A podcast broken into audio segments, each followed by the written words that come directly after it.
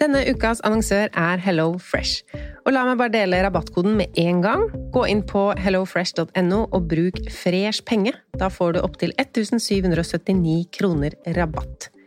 Og i dag tenkte jeg å snakke om matplanlegging ut ifra et hva vil jeg egentlig putte i kroppen min-perspektiv. Altså ikke hva som er godt, men hvor mange ganger i uka vil jeg spise fisk, f.eks. Og med Hello Fresh-appen så er dette så fint. Du velger bare ut fra en liste hvilke fem eller fire eller tre middager du vil spise uka etter. Og så kommer matkassa til deg på døra. Og du trenger ikke å tenke noe mer på hva du skal spise. Denne uka så blir det for meg to fiskeretter, to vegetarretter og en kyllingmiddag til guttene. Gå inn på hellofresh.no og se selv hva du kan velge mellom. Bruk koden FRESHPENGE for å få opptil 1779 kroner rabatt på de første seks matkassene dine, pluss gratis levering på den første kassa hvis du ikke har prøvd Hello Fresh tidligere. Rabatten kan du også bruke hvis du har vært kunde hos Hello Fresh, men det er mer enn tolv måneder siden. Har du et enkeltpersonforetak eller en liten bedrift? Da er du sikkert lei av å høre meg snakke om hvor enkelt det er med kvitteringer og bilag i fiken, så vi eh, gir oss her, vi. Fordi vi liker enkelt.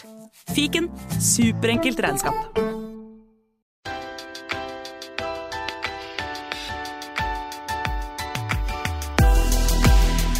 Velkommen til Pengesnakk podkast. Jeg heter Lise, og i dag skal vi snakke om å spare penger på mat. Jeg har fått med meg en skikkelig ekspert på dette her.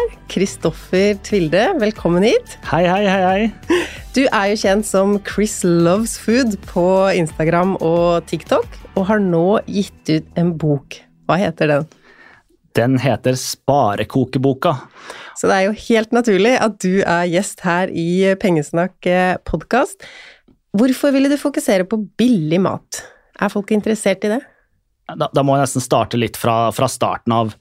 For jeg var jo eh, veldig litt sånn gourmetkokk, eh, vil jeg si, før. Altså, jeg for du har alltid vært interessert i mat? Ja, siden jeg var tolv år så har jeg lagd masse mat. Jeg har liksom ja. gått gjennom kokebøker, eh, og da snakker vi alt fra asiatiske kjøkken til eh, altså vanlig norsk mat, til eh, europeisk type mat og, og alt mulig. Jeg har rett og slett gått gjennom kokebøker og prøvd meg på de aller fleste typer retter.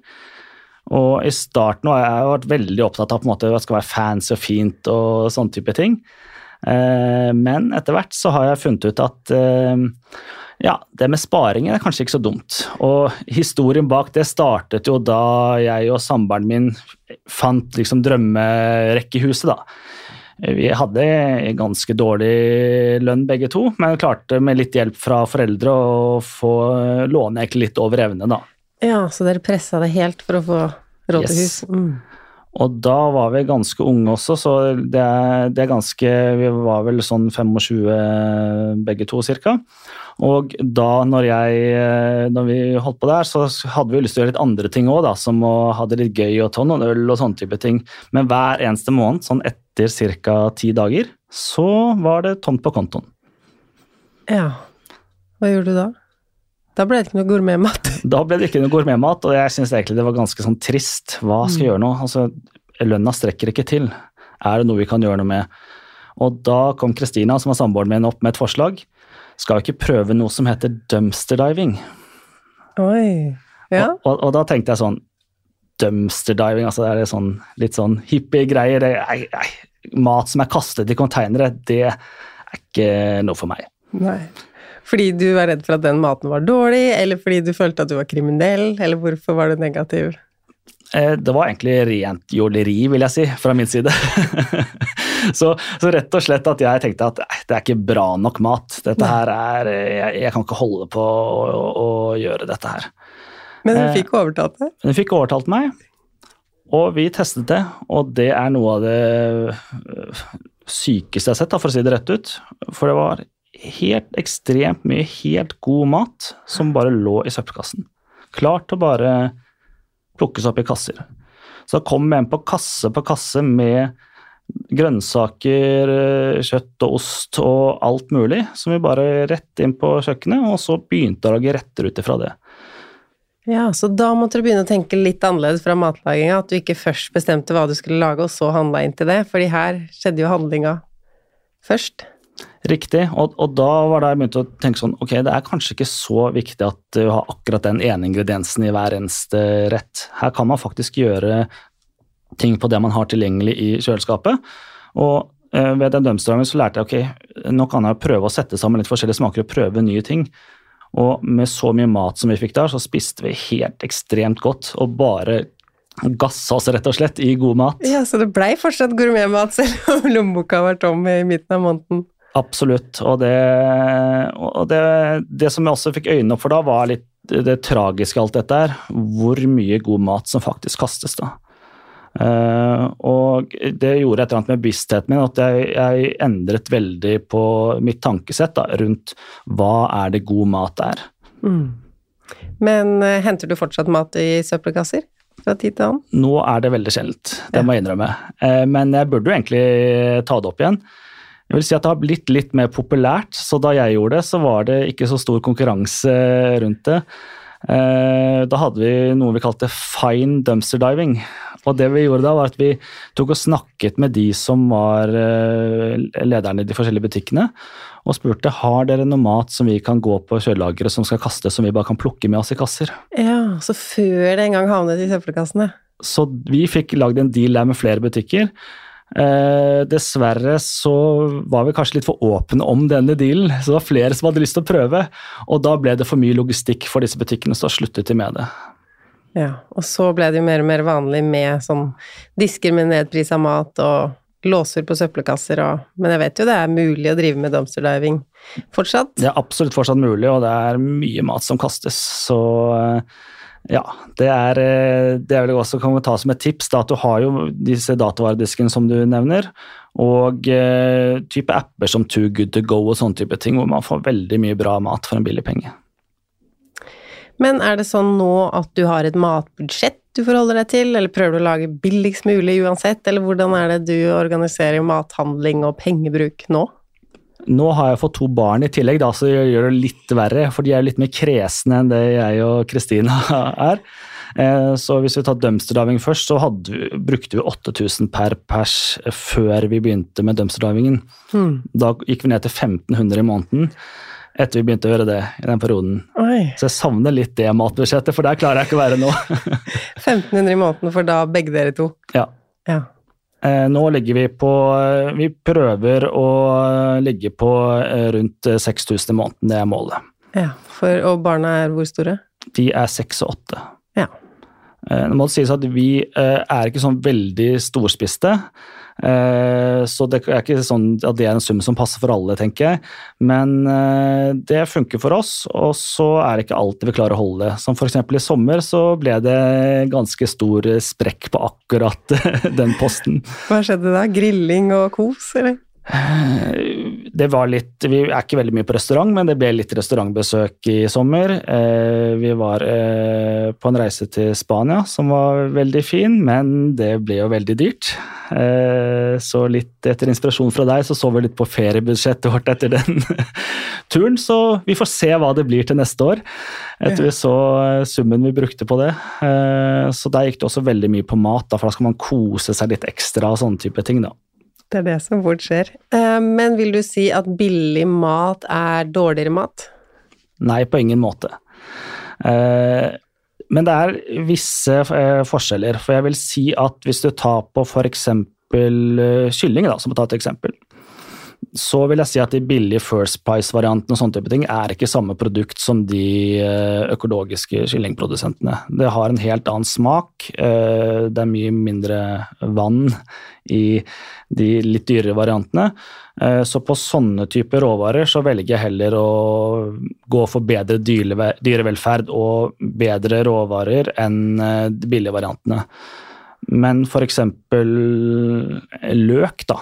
Eh, gulrøtter, sånne type ting. Så funker disse billige variantene veldig bra. Det er spennende å se bare sånn hvor stor forskjell kan det være om det er putta i et nett eller ligger utafor et nett, så kan prisen være fire-femdobbel. Ja, det er jo det har jeg, jeg klarer ikke å forstå hvordan jeg ser, eh, og det tror jeg litt eh, jeg kan jo si det, jeg som er mann, at det er en litt sånn mannegreie. For jeg har snakket med samboeren min som heter Kristina, som jobbet i butikk tidligere. og Hun sa at det var kanskje nesten så godt som alle sammen som handlet disse her løkene i nett, det var menn. Ja. Så jeg tror vi har ganske mye å, å, lære der på handlingen, på at vi faktisk ser på kiloprisen. Og hva er det faktisk den koster. Og løsvekt er stort sett alltid det billigste. Det kan man se til og med på sjokolade, om man velger sjokoladen i løsvekt i kontra sånne storplater. Eh, men hva slags andre pristing på butikken er det som har overraska deg, eller som folk flest ikke veit at det lønner seg å velge det ene kontra det andre? Ja, det, er, det kan være mye, men du, du, du må, jeg er litt sånn på at du må prøve å feile litt. Ja. For du har f.eks. en del sånn pastavarianter eh, hvor det er veldig stor forskjell i pris. Eh, det kan være at den ene pasta, altså type sånn fersk pasta da, er veldig mye dyrere enn den tørkede, men er det så mye bedre? Eh, det spørsmålet hva du syns selv. Da. Jeg syns f.eks. at eh, fersk spagetti ikke er noe spesielt mye bedre enn den tørkede varianten. Og der er det ganske stor prisforskjell. Mm. Eh, så jeg tenker jo at det som er viktig, er at man prøver seg fram. Er den billige varianten faktisk like god eller ikke? Og da tenker jeg at det bare er å gå for den billige varianten hvis, hvis smaken er like bra. Helt enig. Eh, men merker du nå at mange priser har økt på matvarer? Ja, og det, det er ganske eh, ekstremt, og det er spesielt på sånn kjøtt og meieri. Eh, kaffe også, så drikker man mye kaffe, så kan det virkelig slå inn på matbudsjettet. Så der vil jeg anbefale folk at man tenker litt på ok, Kjøp heller litt mindre kjøtt til en eh, god kvalitet, og så prøv å spe på med mer belgfrukter f.eks., for, eksempel, for det er fortsatt veldig billig.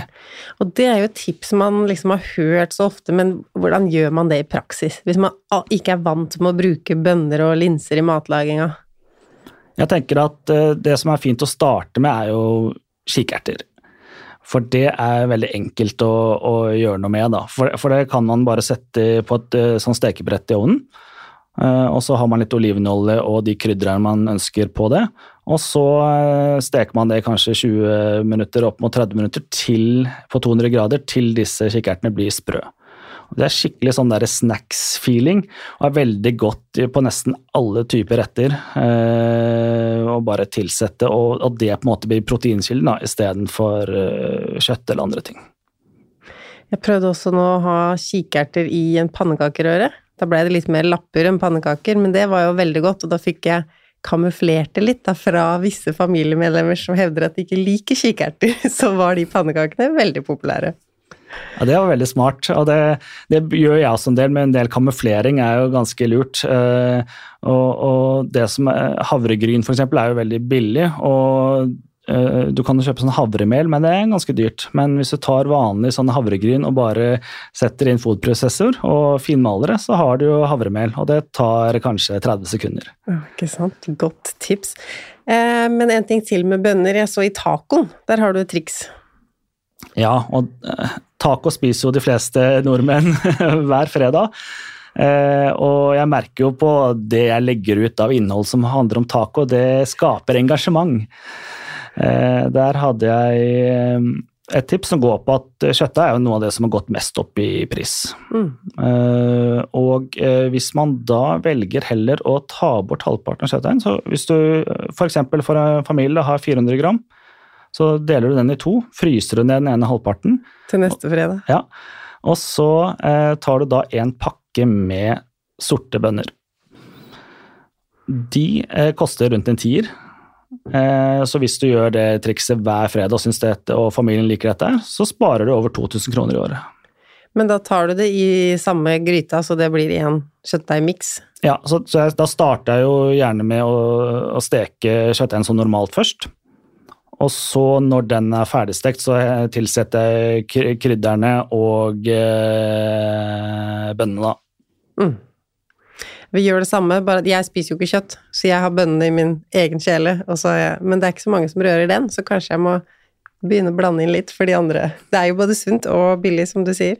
Det kan være vanskelig. Jeg, har litt problemer med barna innimellom på den, men det går overraskende bra, så. så eh, hvis vi bare lurer litt og litt inn, eh, starter med sånn eh, bare at de får et par oppi der nesten at du uten merker det, og så kan man bygge det på, da. Ja, smart. Litt sånn tilvenningsperiode. Hva med meieri? Har du kutta noe ned på? For jeg ser nå at smør som pleide å koste liksom noen og 20, koster nå 47. Da begynner det å ha noe å si hvor tjukt du smører på skiva, da? Ja, det er, eh, det er helt ekstremt. Så, så, det jeg prøver på, er jo å, å, prøve å spise litt mer sånn plantebasert på sånne type ting.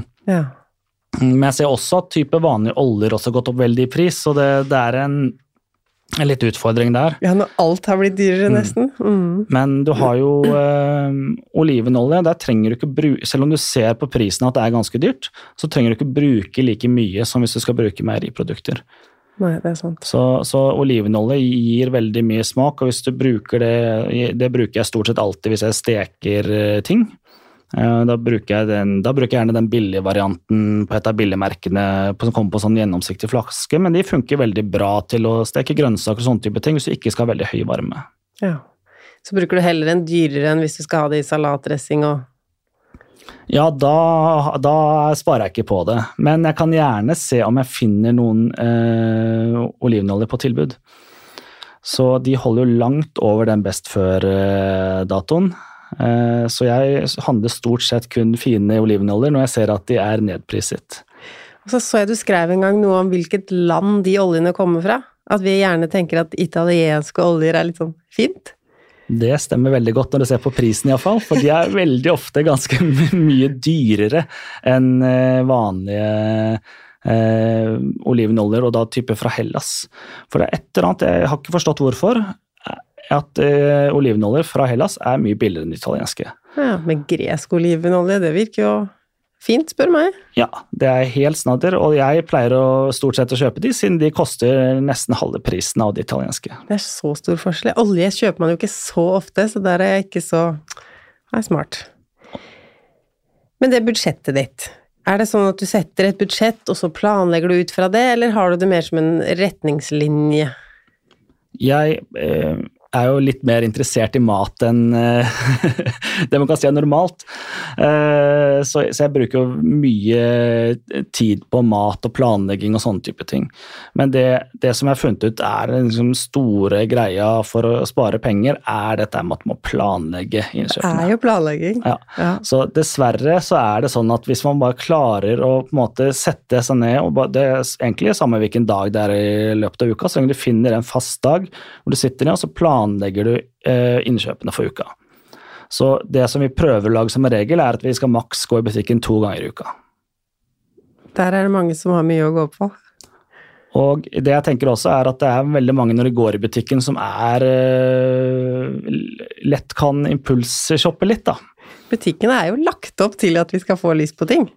Så da tenker jeg at det er litt lurt for de som vet at uh, impulsshop er veldig lett for eh, deg å gjøre, så eh, kan man faktisk bruke disse Oda og disse tjenestene hvor man kan bestille hjemlevering. Selv om det koster litt på hjemlevering, så kan det være lurt for å, eh, at det kanskje er lettere å ikke gå på disse impulskjøpene hele tiden. Da. Og der ser man jo summen hele tida. Men du gjør ikke det? Jeg gjør ikke det, og det er fordi jeg liker å vite nøyaktig hva jeg kjøper, og se på grønnsakene, og eh, ikke minst se hver eneste gang jeg er i butikken, på datavarehyllen. Ja. Men når du da har planlagt for uka, og så kommer du i butikken og datodisken og ser at her var det mye godt, gjør du om på hele ukesplanen din, da, eller hvordan? Jeg har alltid lagt til rette for at det skal være én restemiddag der. Ja. Eh, og det skal være litt sånn overraskelsesrett. Eh, så er det noe i datavarehylla der som passer, så eh, kan jeg gjerne kjøpe det. Eh, det som også er fint, er at det aller meste går an å fryses fra datavarehylla. Så da kjøper jeg det fortsatt, selv om det kanskje går litt over det som jeg hadde tenkt budsjett for den uka. Ja. Men hvis jeg fortsatt fryser det, så kan jeg bruke den på neste uke. Og da har jeg på en måte spart en det tilbake der, da. Skjønner. Så du planlegger alltid hva du skal spise hjemme, og du vet hva du har i fryseren og kjøkkenskap, og det er sånn du gjør det? Ja, jeg har, en, jeg har alltid sett med basisvarer. Ja. Eh, så det tenker jeg er veldig viktig, at du må finne ut okay, hva slags krydder er det jeg bruker. Eh, hva slags oljer er det jeg bruker? Eh, og så jobber jeg ut ifra det. Så du kan si at prøv å finne de smakene og de basisvarene som du liker å bruke. Og så er det ikke så farlig hvis du f.eks. skal lage en, la oss si en asiatisk rett. da. Så har du soyasaus og du har sesamolje, men du mangler iseddik f.eks.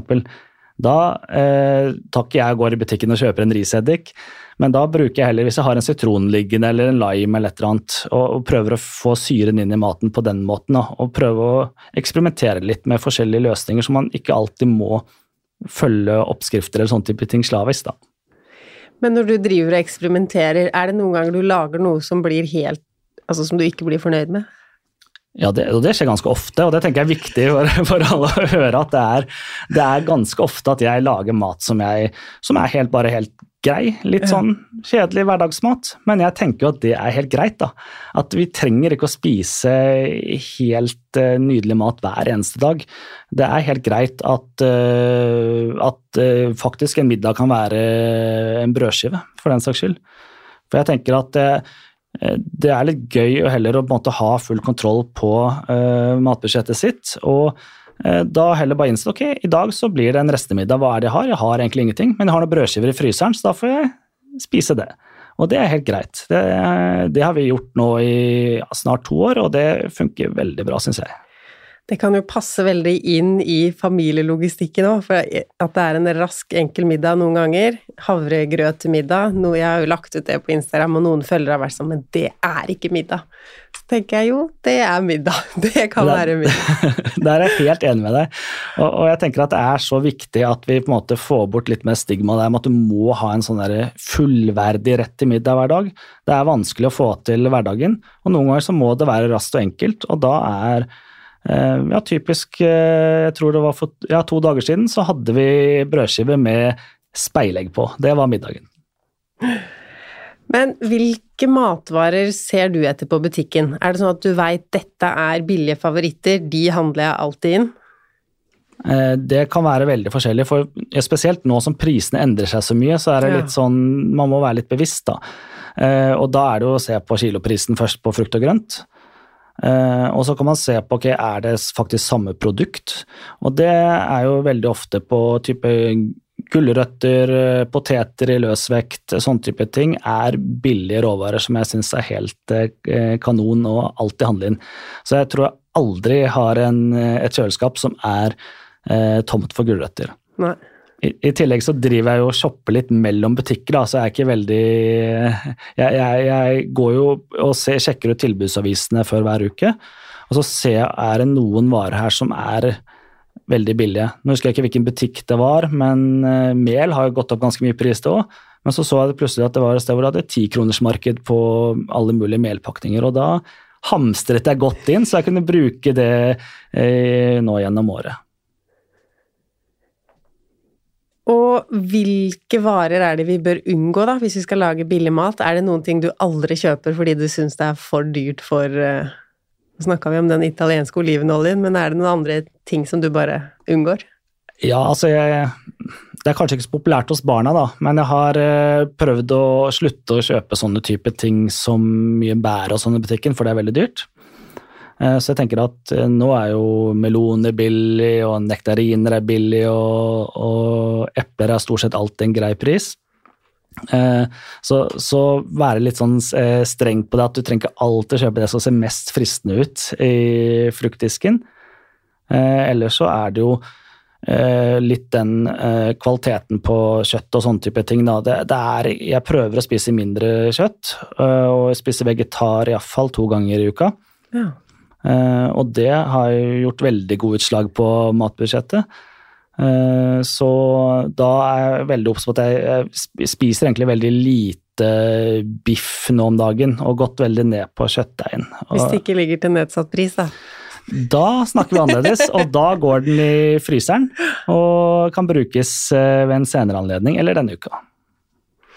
Men hvis vi går på sånn konkrete retter, hva er liksom den aller billigste middagen, eller har du tips til noen som lurer på hva de skal lage til middag i dag, og som vil ha en skikkelig billig rett? Ja, nå kan, kan jeg si at det er sånn typisk sånn studentrett er jo nudler, f.eks. Eh, og det er ikke veldig næringsrikt og sånne type ting. Det koster vel rundt en tier for en sånn pakke med nudler. Eh, så for at du skal få det ned en sånn type pris, da, så må man eh, planlegge flere middager fremover. Ja. Eh, og hvis man har familie på fire, så blir det ganske greit. Men hvis man er, hvis man er alene, så er det jo greit at man planlegger for flere dager og kan fryse ned rettene. Og da tenker jeg at den gode, gamle klassikeren lapskaus er Lapskaus, et godt alternativ. Ja, Hva har man oppi det? Gulrot og potet og Gulrot, potet, løk. Eh, de spesielt. Og så er det, hvis man vil ha noe kjøtt oppi f.eks., ja, så er det helt eh, basert på hva er tilgjengelig i datavaredisken Ikke sant. Og da får Alt går i lapskausen, er det, er det et sitat? Det er sitat, ja. Altså det, er, det er en perfekt måte å bruke opp alle restene. Altså det er jo, og, og blir sunt og, og mettende. Så lapskaus er helt genial sånn uh, mat på budsjett-mat, og da får man det veldig lett ned til ti kroner per uh, porsjon. Ja. Hva med ris? Bruker du mye ris i matlaginga? Det er, jentene mine er jo veldig glad i det, så det går mye i ris. Og da er det jo et veldig fin, fin måte til å få oppmettelsesfølelsen på, på rettene på. Så spesielt mye sånne asiatiske retter og sånn bruker vi mye ris. Bruker ikke så mye pasta, faktisk, men, eh, men ris går det mye av hjemme hos oss. Og så denne restematen, da. Jeg tror det er mange som eh, er sånn Vi er flinke å ta vare på rester, putter dem i fine bokser og sånn, men så blir det jo ikke spist. Hva gjør du for å faktisk gjøre den neste operasjonen, som er å ta det fra boksen og faktisk spise det, før Eh, det blir dårlig og må kastes? Nå er jeg heldigvis en, en samboer som også er veldig opptatt av dette her, da. Så hun, eh, hun tar som regel med restematen til lunsj, f.eks. Ja, og jeg vet jo at det er litt forskjellig hvordan folk har ordninger på jobb og sånne type ting rundt dette med lunsj, men veldig mange betaler 40 kroner eller mer hver dag for dette her. Men hvis du har lagd litt ekstra hardt rester, så er det veldig lurt å putte det i en matboks og ta det med til, neste, nei, til lunsj neste dag. Ja, allerede neste dag, ja. Smart. Men hvis vi skal ha mer eh, konkrete grep vi kan ta, hva, hvordan skal vi bruke mindre penger på mat? Da tenker jeg litt på den derre finn din luksusfelle. Ok, fortell mer. For, for jeg, jeg, liker veldig godt hvordan det høres ut, og den pleier jeg som regel å nevne til folk, og det går rett og slett på hvis du går gjennom det du kjøper i butikken, hva er det du bruker masse penger på som du egentlig ikke trenger? Nei, nå blir jeg sittende og tenke her, ja. Og, og, da kan jeg ta meg selv som et eksempel før jeg ble så økonomisk bevisst som jeg er nå. Eh, så tok jeg jo T-banen hjem fra jobb hver eneste dag. Eh, men så da, ved den T-banestasjonen, så var det Narvesen. Og der var det f.eks. alltid sånn bakevarer, 10 kroner eller 20 kroner. Ja. Og jeg tror jeg hver eneste dag kjøpte en bakevare i nesten et år. Og når man summerer opp det, så ser ikke det så pent ut. Nei, det ti kroner høres lite ut, men pluss, pluss, pluss, ja. Eh, så det er ett eksempel på en sånn luksusfelle. Er det faktisk noe du trenger? Eh, så, så den, eh, den merket jeg veldig for en god stund siden. Eh, sånn litt i nyere tid eh, så er vi veldig bevisst på kostholdet vårt. Altså hva er det vi faktisk bruker mye penger på, og det var da godteri og brus. For godteri er dyrt? Og det er ikke så veldig populært tips, men det er eh, Men der er det mye penger å spare, altså. For ja, godteri er skikkelig dyrt. Det vi må tenke på da, det vi tenker på da er ok, hva Skal man bruke brus som tørstedrikk? Nei. Eh, nei jeg tror alle sier nei. Ja. Eh, så vi prøver, prøver, da at vi drikker eh, kun brus i helgene, og så er vann tørstedrikk til hverdags. Og barna er superfornøyd med det, så det er ikke noe problem i det hele tatt. Så det var verre for oss voksne å egentlig gå på den, den der. Eh, og når det gjelder godteri, så er det jo lett at det sklir ut litt. da, Man skal kose seg litt, spesielt eh, korona som var nå. Eh, at man unner seg den der lille sjokoladen hver kveld og sånne type ting. Eh, så det går også rett og slett på å prøve å endre det til at man spiser godteri kun i helgene. Ja. For når man er på butikken, så er man liksom Man kommer inn og tenker 'nå skal jeg være sparsom og flink', så tar man gode valg hele veien, følger med på priser, der kan jeg spare to kroner på velge noe annet, der var det noe på 40% Men så kommer man til kassa, og så en godteripose der til 46 kroner. Den blir Akkurat som vi er litt ferdig med å ta gode valg. Ja, det kjenner jeg veldig godt igjen i selv. Jeg tror jeg har gjort det uff altfor mange ganger. Eh, og det, du har jo også den der lokkehylla som er i butikken med alle disse pastillene og tyggispakkene. Jeg, jeg, har vært der selv òg, men jeg også synes det er litt morsomt å observere i butikken hvor mange som faktisk bare plukker med seg en ting der. Ja.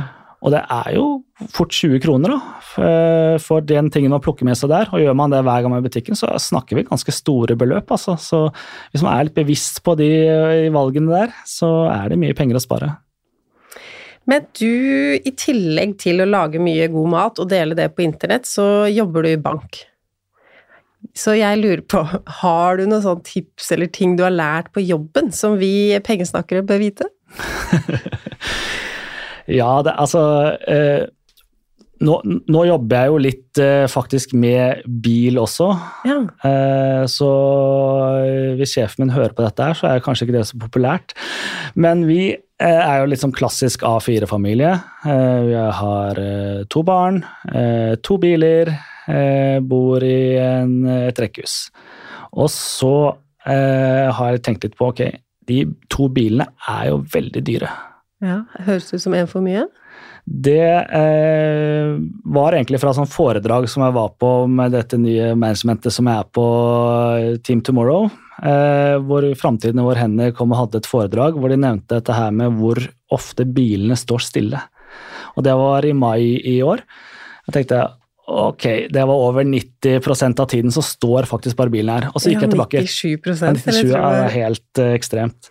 Og så gikk jeg og tenkte på vår situasjon, da. Uh, ja, vi har to biler. Hvor ofte er det begge to er i bruk? Og det er under 97% for å si det sånn. Uh, og så gikk vi gjennom bankutskriftene og så hvor mye er det faktisk vi har brukt på bil de siste og det årene. Flere gjøre. Og det er helt ekstremt. Uh, så det vi faktisk gjorde da, var å solgte begge bilene. Begge? Så, ja, for vi, en, vi, hadde en liten elbil som hadde litt for lav rekkevidde, så kjøpte jeg med litt lengre rekkevidde. ja, sånn, vi har en, så hytte, dere har én bil nå? Vi har en sommerhytte på Tjøme, ja. så vi skal liksom akkurat klare å komme seg dit.